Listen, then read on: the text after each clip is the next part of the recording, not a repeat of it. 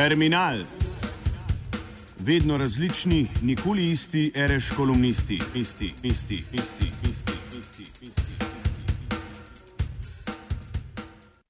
Pred časom sem bral intervju z enim od najuspešnejših slovenskih podjetnikov. Z ekipo in 200 zaposlenimi razvijajo izdelke, s katerimi so postali pomembni dobavitelj svetovnih korporacij letno povečujejo promet za 15 odstotkov, izplačujejo nadpovprečne plače in ustvarjajo zavedljive poslovne rezultate. Kot eno ključnih vrednot lasnik izpostavlja odnose z zaposlenimi, ki se čutijo kot soustvarjalci uspešne zgodbe. Sreči je v Sloveniji podobnih zgodb kar veliko in takšni podjetniki s svojo sposobnostjo in prodornostjo prispevajo največji delež razvoju in blaginji države. Pričakovano pa podjetnik izpostavi tudi težave, s katerimi se srečuje v domačem okolju. Kot običajno je največ kritike namenjene davčnim obremenitvam, ki vodijo tudi k razmišljanju o preselitvi proizvodne v tujino in nasploh o motiviranosti za delo. K takim izjavam praviloma spodbujajo že novinarska vprašanja o pogodnosti države, o smiselnosti višjih zaslužkov, zaradi katerih potem posameznik izgubi socialne ugodnosti in podobno. Seveda bi nižji davki podjetništvo še bolj spodbudilo in določene rešitve so včasih res nelogične. Vseeno pa konkretne primerjave s sosednjimi državami pokažejo, da davčne obremenitve v Sloveniji mogoče vseeno niso tako istopajoče, da bi odganjale podjetnike v tujino. Tudi z vidika, kaj ljudje dobijo za vsa uplačila. Od skupnega zaslužka v omenjenem podjetju namenjajo za plačo letno okoli 7 milijonov evrov in te so petino nad slovenskim povprečjem. Sveda gre del teh plač za davke in to je deležno največ kritik, posebno kadar gre za dodatne dohodke in nagrade. In ta obremenitev naj bi silila podjetnike, da razmišljajo tudi o selitvi proizvodne v tujino, kjer naj bi bilo davčno okolje bolj ugodno. Takšne prevladujoče ocene so nažalost bolj rezultat splošnega mnenja, kot pa konkretnih izračunov in primerjav. Od omenjenega skupnega zneska za plače država pobere blizu 3 milijone letno, zaposlenim pa ostaja 4 milijone. Takšno državno pogoldnost, kot se radi izražamo, je vseeno dobro pogledati tudi z drugih vidikov. Če pogledamo davčno zakonodajo, naprimer v Avstriji, in z njo se najraje primerjamo, bi hitro ugotovili, da bi ob enakih bruto plačah tudi tam odvedli državi približno enake zneske prispevkov in davkov. Glede na objavljeno strukturo zaposlenih sem naredil približni izračun plač po avstrijski zakonodaji in podjetnik bil pri tem primeru imel le kakih 100 tisoč evrov manjše odlive na leto zaposleni pa bi dobili mogoče kakih 100 tisoč evrov več v žep. Ob sedmih milijonih evrov stroškov dela, verjetno teh 200 tisoč evrov ne more biti ključnega pomena za uspešnost družbe, ter tudi za pritoževanje čez preveliko obremenitev. Te številke ne bi bile nič manjše ne v Italiji, ne na Hrvaškem, seveda pa so precej nižje v Singapurju ali Združenih državah Amerike. Vendar vemo, da si morajo tam zaposlani potem vse socialne ugodnosti plačevati sami in to najbrž ni smer, v katero želimo ne Slovenija in tudi ne Evropa s svojo socialno politiko. Poprečni zaposlen je torej omenjeno družbo lani mesečno stal okoli 2500 evrov, česar je šlo torej 1000 evrov državi.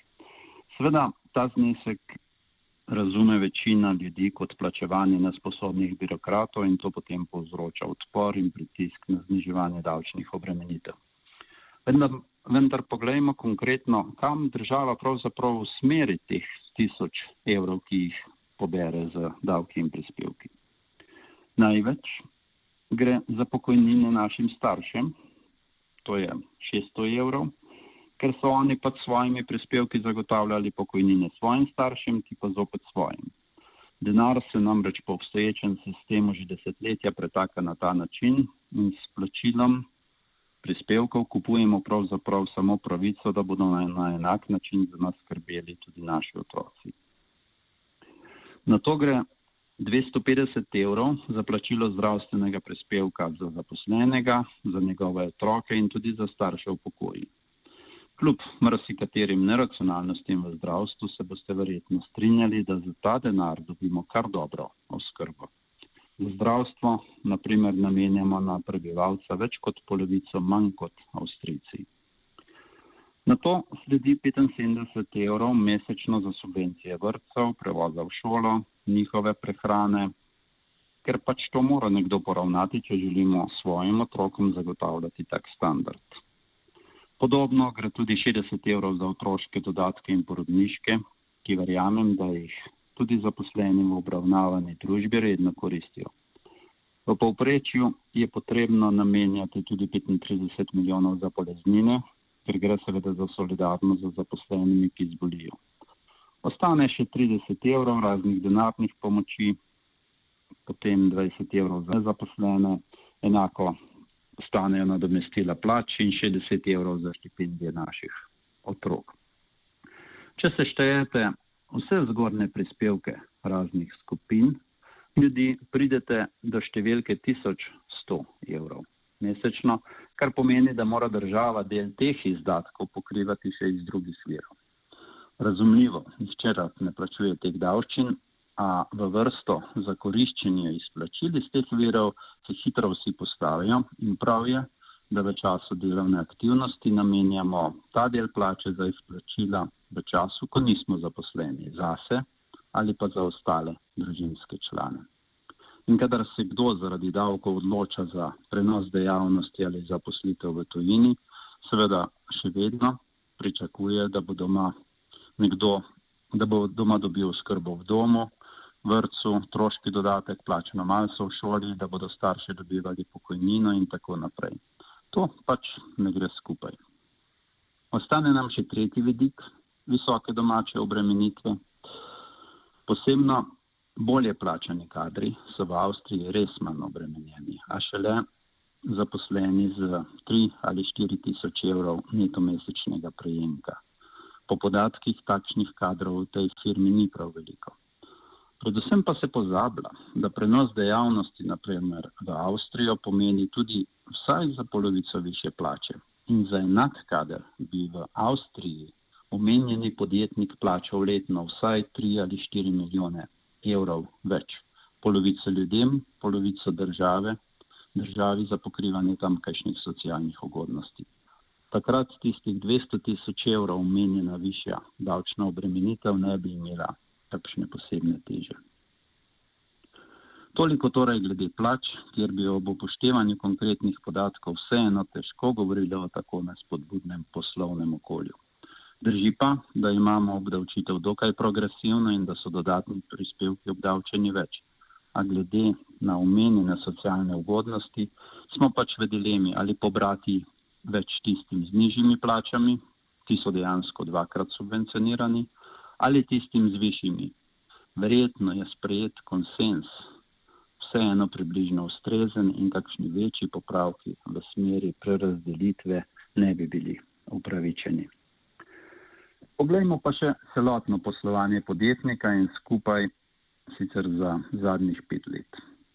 V tem času je družba ustvarila okoli 80 milijonov evrov dodane vrednosti. To je številka brez obračunane amortizacije, kar so porabili za nove naložbe. Po obračunu plač in obresti je družba ustvarila 50 milijonov celotnega dobička.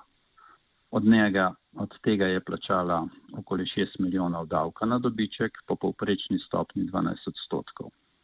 Zopet pohvale vreden prispevek države, a v Avstriji bi ob takšnih rezultatih plačali preko 10 milijonov davka na dobiček, v Nemčiji pa še več. Po različnih primerjavah imamo namreč v Sloveniji praktično najnižji efektivni davek na dobiček, lani v povprečju samo 11,1 odstotek, povprečje v Evropi je naprimer nekaj pod 20 odstotkov, v ZDA celo blizu 30 odstotkov. Ta vidik davčne ugodnosti seveda v intervjuju ni bil nikjer izpostavljen, a je zneskovno pomembno višji, kot so razlike pri plačah. Brez upoštevanja, če bi morali izplačevati avstrijski nivo plač.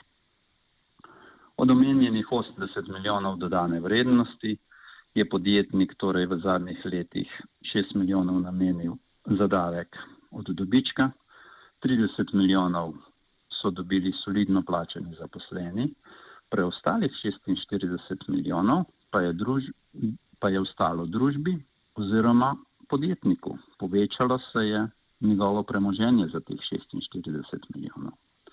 Seveda, nič ni narobe in prav je, da so tako uspešni podjetniki nagrajeni, posebno glede na ves prispevek družbi skozi rast in oplačila.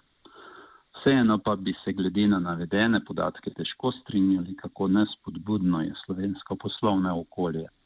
Plače, posebno više, so res obremenjene nekaj več, a zaradi ugodnosti in standarda, ki ga imajo danes slovenci, in glede na rezultate bi upravičeno pričakovali rast in približevanje Avstrije tudi v tem segmentu. Na drugi strani pa so obremenitve kapitala kljub manjšemu popravku v zadnjem letu še vedno precej niže kot v tujini. In prav je, da bi se tega vsaj zavedali in priznali, če že na tem strajamo. Sveda pa to vseeno ne odvezuje države, da izboljšuje svoj servis, predvsem na drugih področjih, kjer bi s poenostavitvijo postopkov in debirokratizacijo lahko to poslovno okolje še izboljšali. Za terminal bi ne kordež.